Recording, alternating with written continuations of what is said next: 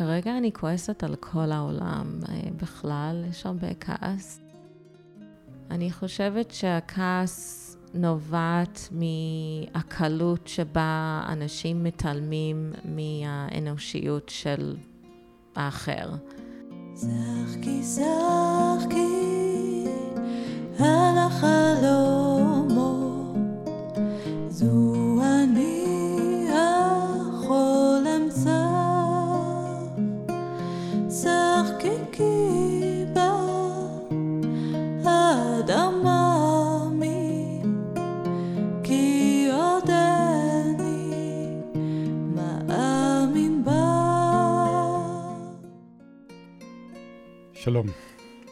יבנה ואני מנהל מכון עקבות וחוקר במכון. בשבוע האחרון, בין לוויות וניחומי אבלים לפיקוח על הלימודים בזום של הילדים, עשיתי סבב ביקורים אצל כמה מהקולגות שלי, מנהלות ומנהלי ארגוני זכויות האדם בישראל. ביקשתי לשמוע מהם איך הם מתנהלים בתקופה הזאת, מאז מעשה הזוועה שביצע חמאס ב-7 באוקטובר. ובצילם של המלחמה ואירועיה, שאלתי אותם כיצד משפיעה התקופה הזאת עליהם, על העבודה שלהם, על עבודת הארגונים שהם מנהלים. דיברנו על דילמות, על פתרונות, על הצרכים שנולדו כתוצאה מהאירועים בשטח, על מה שקרה ביישובי הדרום ועל מה שקורה כעת ברצועת עזה וגם בתוך מדינת ישראל. על ההגנה על זכויות האדם עכשיו. את טניה הארי, מנכ"לית גישה, הארגון שעוסק מאז 2005 בהגנה על חופש התנועה של תושבי רצועת עזה, פגשתי במשרדי הארגון בתל אביב ביום שלישי, 24 באוקטובר, היום ה-18 מאז ה-7 באוקטובר. אוקיי, okay, אז גישה בעצם ארגון אה, זכויות אדם שהוקם ב-2005, להתעסק בנושא חופש תנועה ועזה, ובאמת היה רעיון אה, להסתכל על החובות של ישראל במציאות המשתנה אחרי ההתנתקות. אה, וגם אה, לאפשר לאנשים אה, לחיות את החיים כמה שאפשר, לנוע בצורה חופשית, כמה שאפשר לצרכים יומיומיים שלהם, ההומניטריים, אבל, אבל לא רק. מה הכלים שאתם משתמשים בהם ביום-יום שלכם? אז אנחנו, קודם כל ארגון משפטי, הבסיס הוא בעצם הפעילות המשפטית, העזרה הפרטנית שאנחנו הענקנו לתושבי עזה. אה, וגם לאנשים שרצו להיכנס לעזה אה, מחו"ל, מהגדה, מישראל, גם תושבי עזה שגרים בגדה. אז קודם כל פעילות משפטית, וגם פעילות משפטית עקרונית, ולזה אנחנו מוסיפים עוד כלים שידועים בקהילת זכויות אדם, עבודה צינגור אה, מול קהלים בישראל, בחו"ל, עבודה בתקשורת, אה, עבודה מול מקבלי החלטות.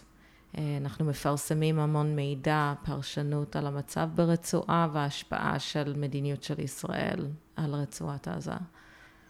בעבודה בדרך כלל מול הציבור בישראל, מה, מה אתם עושים? זאת אומרת, מה, איך היא מתנהלת בדרך כלל? אז כארגון אנחנו הבנו שעם המשאבים המצומצמים שלנו, לפחות אה, בהתחלה גם, שאנחנו לא בהכרח נוכל לשנות דעת קהל, ושגם אה, לצערנו דעת קהל לא באמת פקטור במה שקורה ברצועה. החלטות מתקבלות בדרגים אה, גבוהים מאוד, בכל מה שקשור לחופש תנועה במיוחד. זאת אומרת, ההחלטה אם להכניס אה, ציוד מסוים, אם לאפשר לקבוצה מסוימת של אנשים אה, לצאת, איזה סוג מחלות נחשבות בשביל לבקש טיפול מחוץ לרצועה, כל החלטה והחלטה מתקבלת ממש אה, אצל דרג מדיני, אצל פוליטיקאים, ואחר כך הצבא מבצעת את ההחלטות האלה.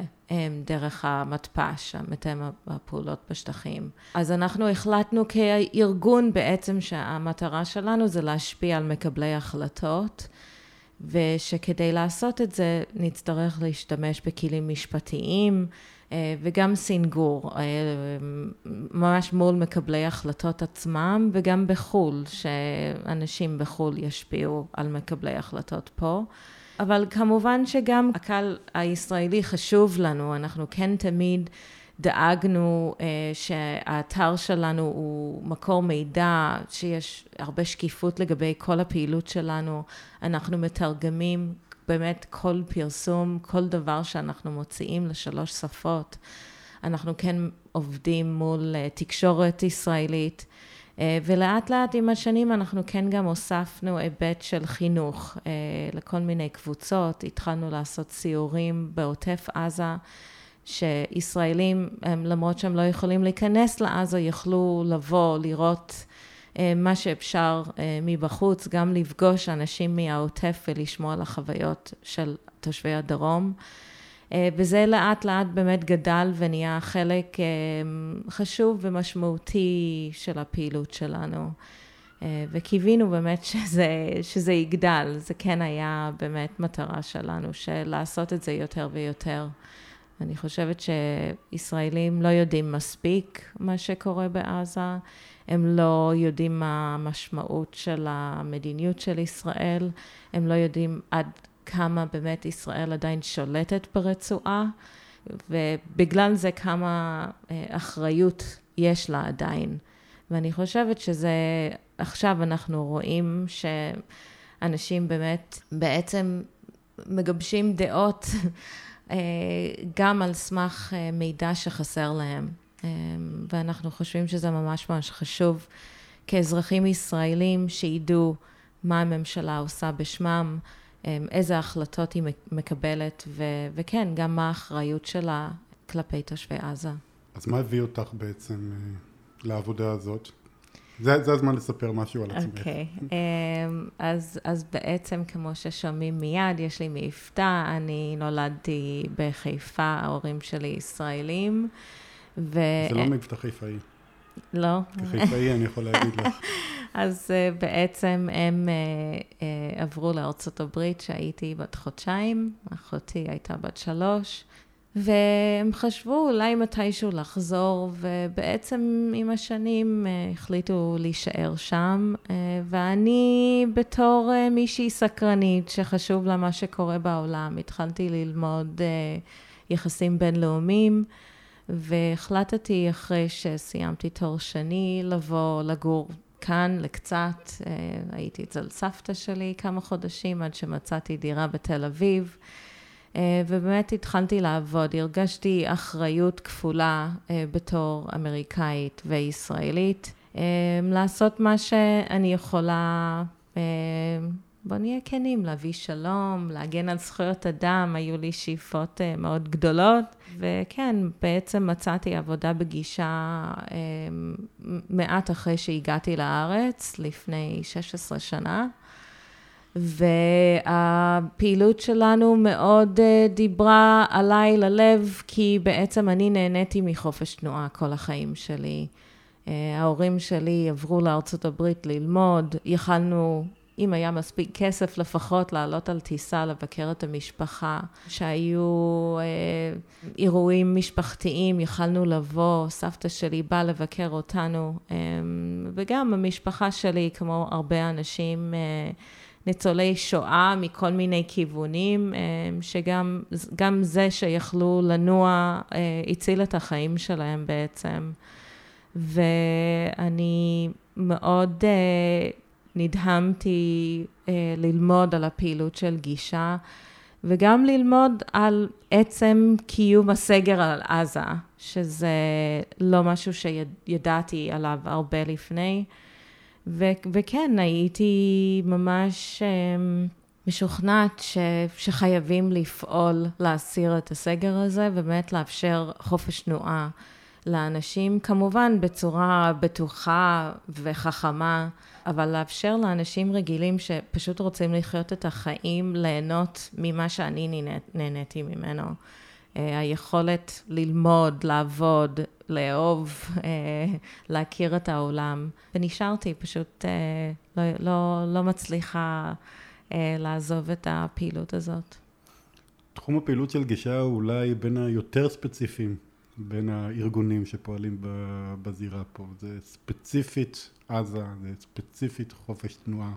זאת אומרת, למה המיקוד הזה, האם לא אז אני, אני שומעת לפעמים שמאחורי הגב קוראים לנו נישה, לא גישה, אז אה, אני חושבת שכן שמעתי את זה בעבר. האמת שבעיניי זה נראה מאוד צר מבחוץ, אבל שצוללים לתוך העולם הזה מבינים שבאמת חופש תנועה זה הכל.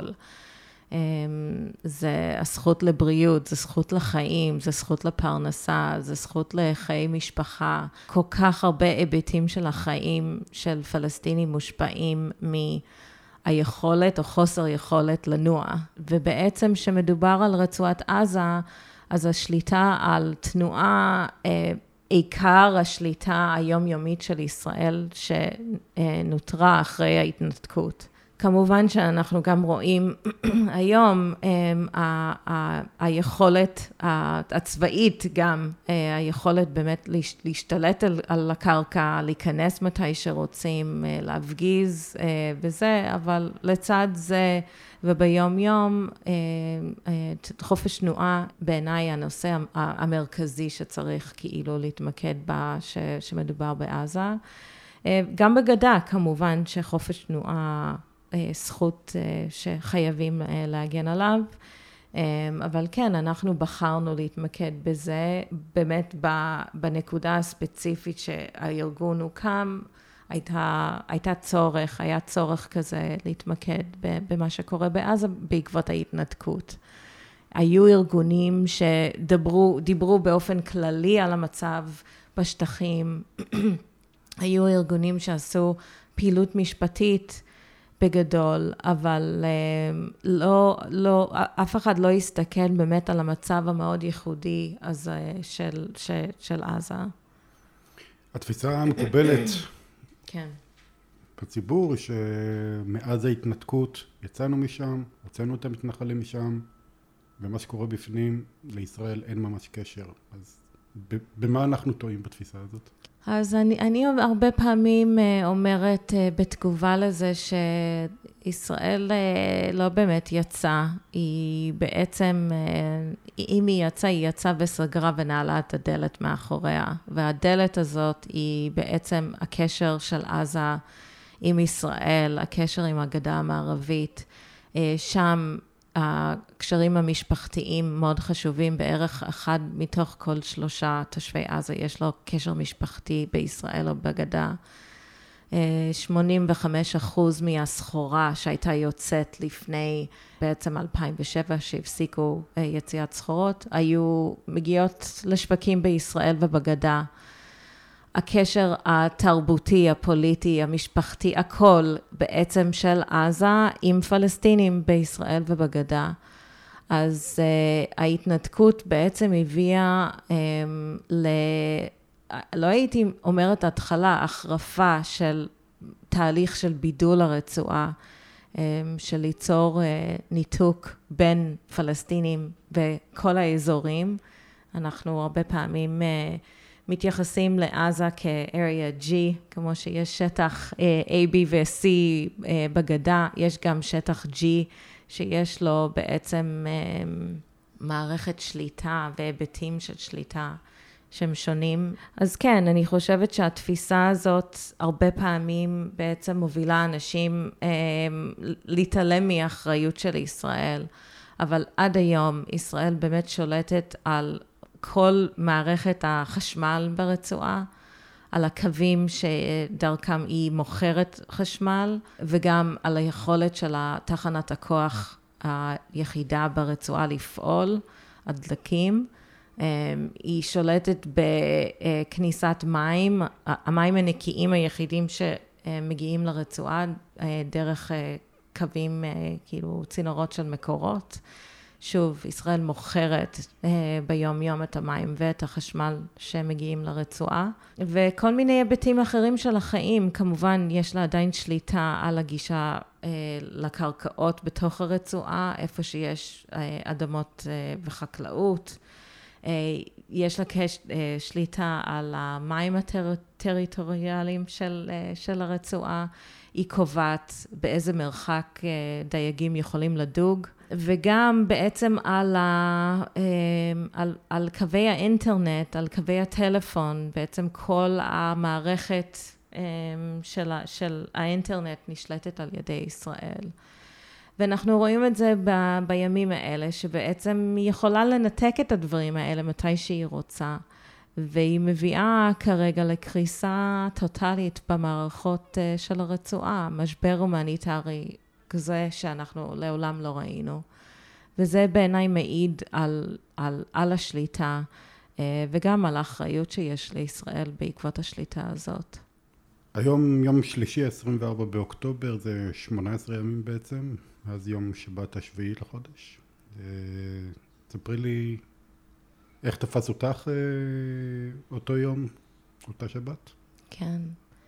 אז אני חושבת שכמו הרבה ישראלים, אה, תפס אותי בהלם, בעצב, בכעס. לא לספר לי על אותו יום שבת שלך? האמת שאני כאילו, זה כבר יותר משבועיים שאני לא ישנה בלילות ועובדת איזה עשרים שעות ביום מרגיש, אז האמת שכאילו היום הזה הוא קצת מטושטש לי כבר, אבל אה, מה שכן, אה, הייתה לי חברה קרובה שהייתה אה, באחד הקיבוצים באזור, ו... ושהיא הייתה נעולה בממ"ד עם, ה... עם בני משפחה שלה, ושבאמת כל היום אני ועוד חברות עקבנו אחרי מצבה. אנחנו בעצם אה, אה, החלטנו שאחת החברות תהיה אישת קשר של כולם, שלא נפציץ אותה בכל מיני הודעות. אז בעצם חיכיתי כל היום לדיווחים אה, מהחברה הזאת, והיינו בהרבה מאוד מתח בכלל, אבל במיוחד בגלל החברה הזאת, שלשמחתי יצאה בחיים, אבל כמובן אה, היא ו- וכל הקיבוץ אה, מושפע מאוד אה, ממה שקרה. וכן, אני גם חשבתי על העבודה שלנו ועל תושבי עזה ומה מה, מה יהיה. אני לא אשקר שהלב שלי נקרע להרבה חלקים באותו יום, כולל בגלל מה שידעתי שיבוא. ואני חושבת שכולנו, אם, לא יודעת, כאילו, מי, ש, מי שלא היה שם ולא הבין את, את הסדר גודל של מה שקרה, אמ, באמת, היינו, לא, לא, לא הצלחנו להבין באותו יום. לא, לא יכלנו להבין באמת מה הסדר גודל, הזוועות שקרו שם. אני חושבת שזה באמת לקח לנו, ולי במיוחד, כמה ימים להבין את זה, אז, אה, אז כן. יש לכם אנשי צוות מהעוטף? אנשי צוות בעוטף, אה, יש, יש לנו אנשים ממשפחה אה, בעוטף, אז גם, אה, גם איתם היינו בקשר במהלך היום.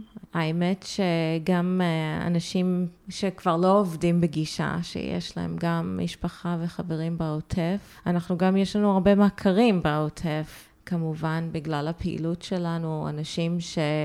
פעלו למען שלום וזכויות אדם, אז גם היינו בקשר איתם במהלך היום, גם כמה נהרגו, כמה נחטפו, אז uh, כל הדבר הזה באמת uh, השפיע גם עלינו, כאילו, אני חושבת שאנשים רואים אותנו מבחוץ, רואים את הפעילות שלנו וחושבים שרק חשוב לנו מה שקורה בעזה, אבל um, זה כמובן לא חשוב, לא, לא נכון, זה...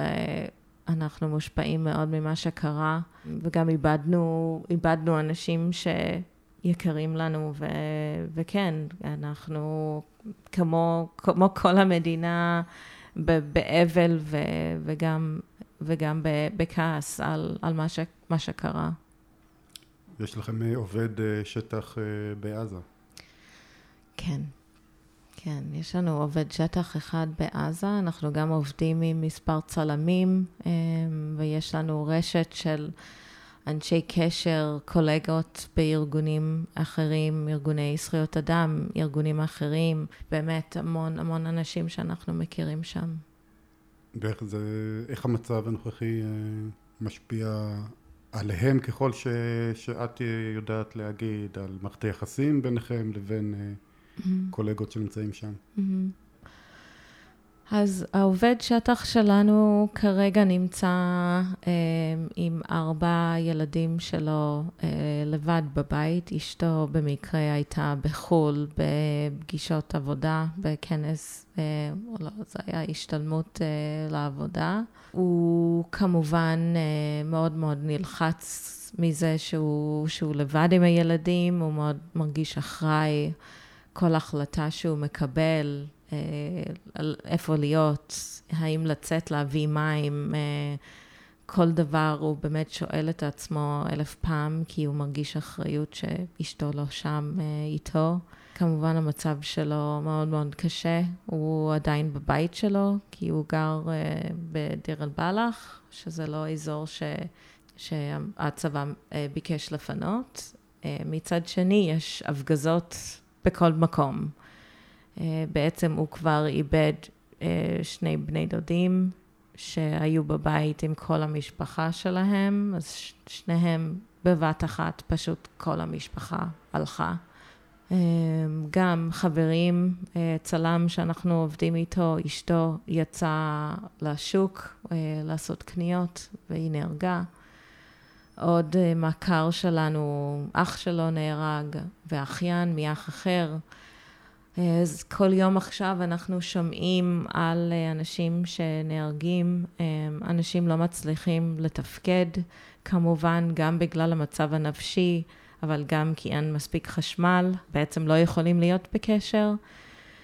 אה, אז העובד שטח שלנו בעצם מטעין את הפלאפון איך שהוא יכול כמה פעמים ביום, רק להגיד לנו שהוא בסדר, שהוא בחיים.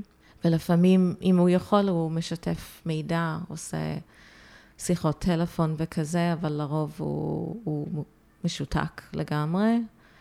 אמ, וכן, מספרים על מצב מאוד מאוד קשה, בעיקר הפחד מההפגזות. יש תחושה שזה בא מכל מקום, אה, ש, שלא מזהירים אה, אנשים. אה, ש, שאין היגיון בזה, אנשים לא יכולים להסביר, לא, לא היו חמושים, לא בבניין, לא קרוב לבניין, אין כאן אה, באמת אה, היגיון בהפגזות, ולצד זה אנשים מתמודדים עם מצב הומניטרי מאוד קשה בגלל חוסר החשמל והמים. גם קושי עכשיו להשיג אוכל, ירקות, פירות. בעצם אה, כמעט שום דבר לא נכנס לרצועה אה, בכל ה, התקופה הזאת, רק בימים האחרונים נכנסו כמה משאיות בודדות מכיוון מצרים, אה, אבל זה לא, זה לא מספיק. אז, אז יש חוסר כבר מאוד גדול, אנשים מרגישים את זה, וכן, אנשים אומרים לנו, גם אנשים שהם משכילים, עמידים לרוב, אנשים שמקבלים משכורת מספרים על החיים שם של, של חוסר כבוד, שאין כבוד, שאין מים להוריד את המים בשירותים, שאין מים כדי להתקלח, אין, אין, אין חשמל להטעין את הפלאפון, להיות בקשר עם הקרובי משפחה שהם מחוץ לרצועה. הרבה אנשים גם נאלצו לברוח מהבתים שלהם בצפון הרצועה, והם כולם במקלטים כאלה או אחרים, במצבים צפופים, אוכלים מעט, שותים מעט כדי לחסוך. זה באמת מצב שאין לתאר אותו, ואני חושבת שאנשים מבחוץ חושבים על עזה, חושבים שזה מקום עני, אמ, וזה נכון, באיזשהו מקום יש הרבה עוני בעזה. היה כבר הרבה צפיפות, היה קושי בגישה למים ולחשמל, אבל כל הדברים האלה נהיו כל כך כל כך קיצוניים. ובכל זאת, היה חשמל, היה חצי מהיום לפחות, היה אינטרנט, אנשים אה, מחוברים לעולם. אה, אנחנו לא מדברים על אה, מדינה ש, ש, ש, שמנותקת מהעולם. אז אני כן מרגישה שיש איזושהי תחושה מבחוץ שבסדר, אנשים רגילים, או ככה זה כרגע, וזה תנאים של חיים שלעולם לא היו מקבלים לעצמם, או לקרובי משפחה שלהם, או מכרים שלהם. ובעיניי זה, זה פשוט בלתי נתפס שזה המצב כרגע. אז איך את מתמודדת עם זה? מה, מה אתם עושים? את, טניה, כמי כן. שמובילה את הארגון. כן. לנוכח המצב הזה שנוצר, ככה בבת אחת, מה עושים? אז אני חושבת שהתפקיד החשוב ביותר שלנו כרגע זה להיות מקור מידע.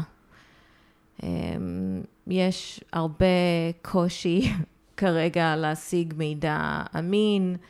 אה, הרבה אנשים הגיעו לכאן עיתונאים למשל, עם, בלי רקע על המצב, פרשנים שמדברים בחדשות על המצב, לא מכירים את עזה, לא מכירים את מה שקרה בשנים האחרונות, לא יודעים כמה חשמל אה, יש ביום-יום. אז אנחנו מוצאים את עצמנו באמת אה, עונים על שאלות הכי בסיסיות, אבל גם אה, מנסים לתאר את המצב היום, שהוא מורכב.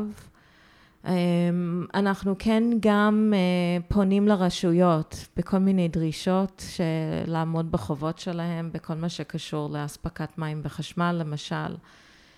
כרגע גם אנחנו מתמודדים עם מצב של אה, כנראה אלפי תושבי עזה היו כבר בישראל בשביעי באוקטובר, פועלים בעיקר, שמצאו את עצמם בלי היתרים בתוקף אחרי שהצבא ביטל את ההיתרים בבת אחת. שזה נתן אה, בעצם לעצור אותם. הרשויות אה, מחזיקות אלפי אנשים במתקני אה, כליאה.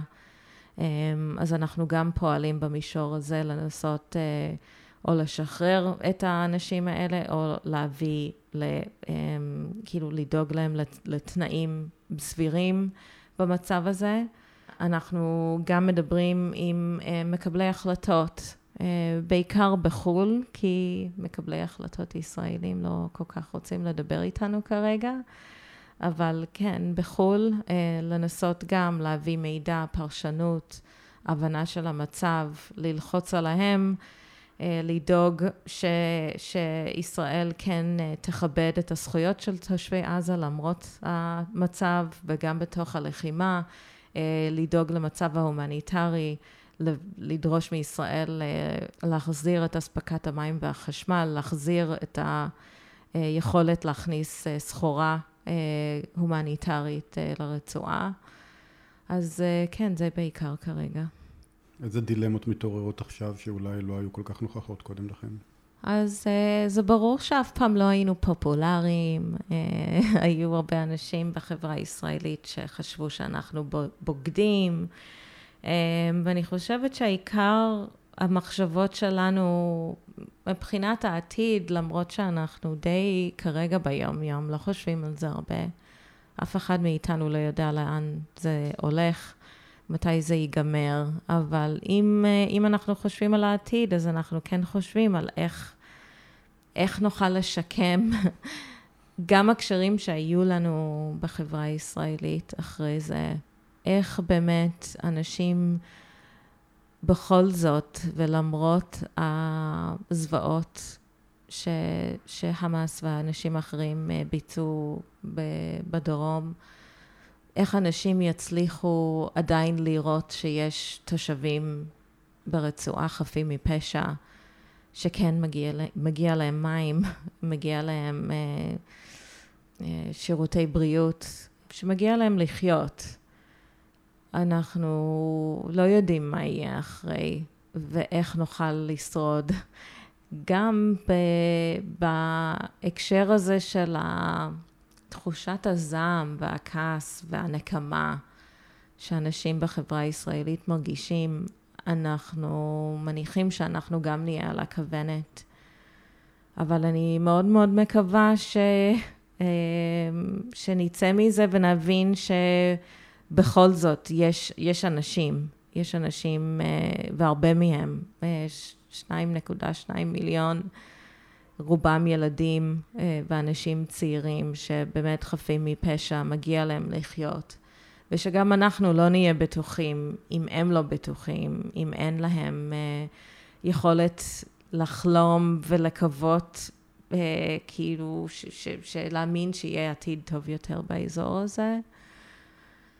וכן, מבחינת הדילמות שלנו, אני חושבת שאנחנו מוצאים את עצמנו בצומת אה, של מצד אחד אנחנו רואים מה שקרה ומה שעדיין קורה בישראל לישראלים, הפשעים של הצד השני, ואנחנו גם מחזיקים את הפשעים אה, שמבצע הצבא הישראלי, כאילו אנחנו לא יכולים להתעלם מההחלטות שמתקבלות כרגע ואיך זה משפיע על תושבי עזה.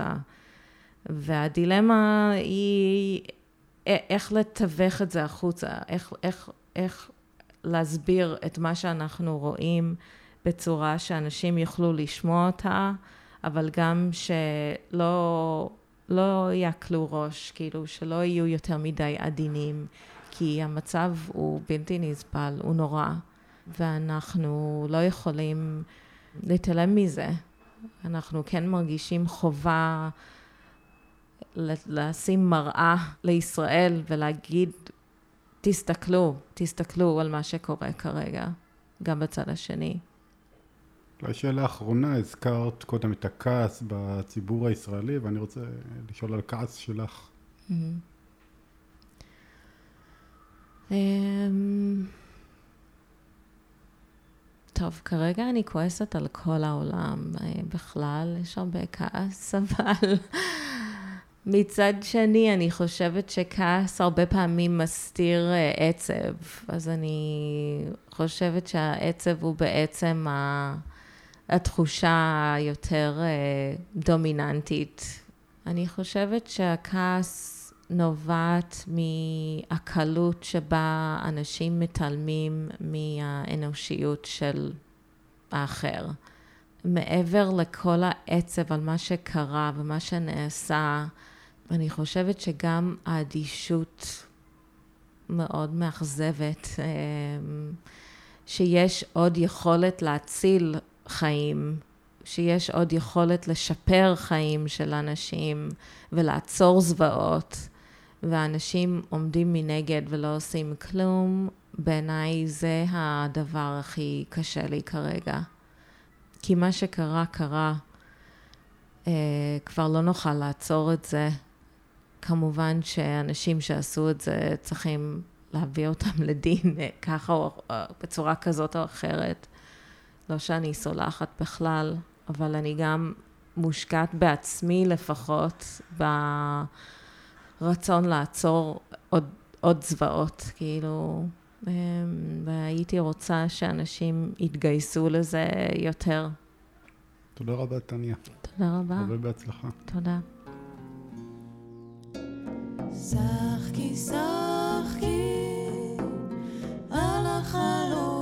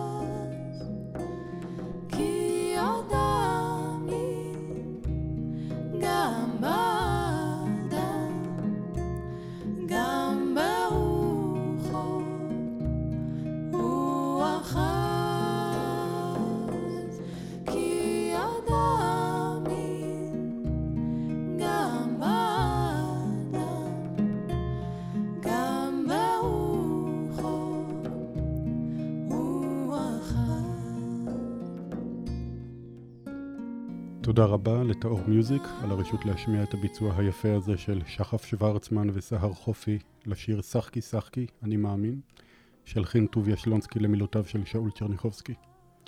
אני מזמין אתכם להאזין לשאר פרקיה של סדרת שיחות זו, כמו גם לסדרות הפודקאסט האחרות של מכון עקבות. באתר שלנו ובכל פלטפורמות הפודקאסט.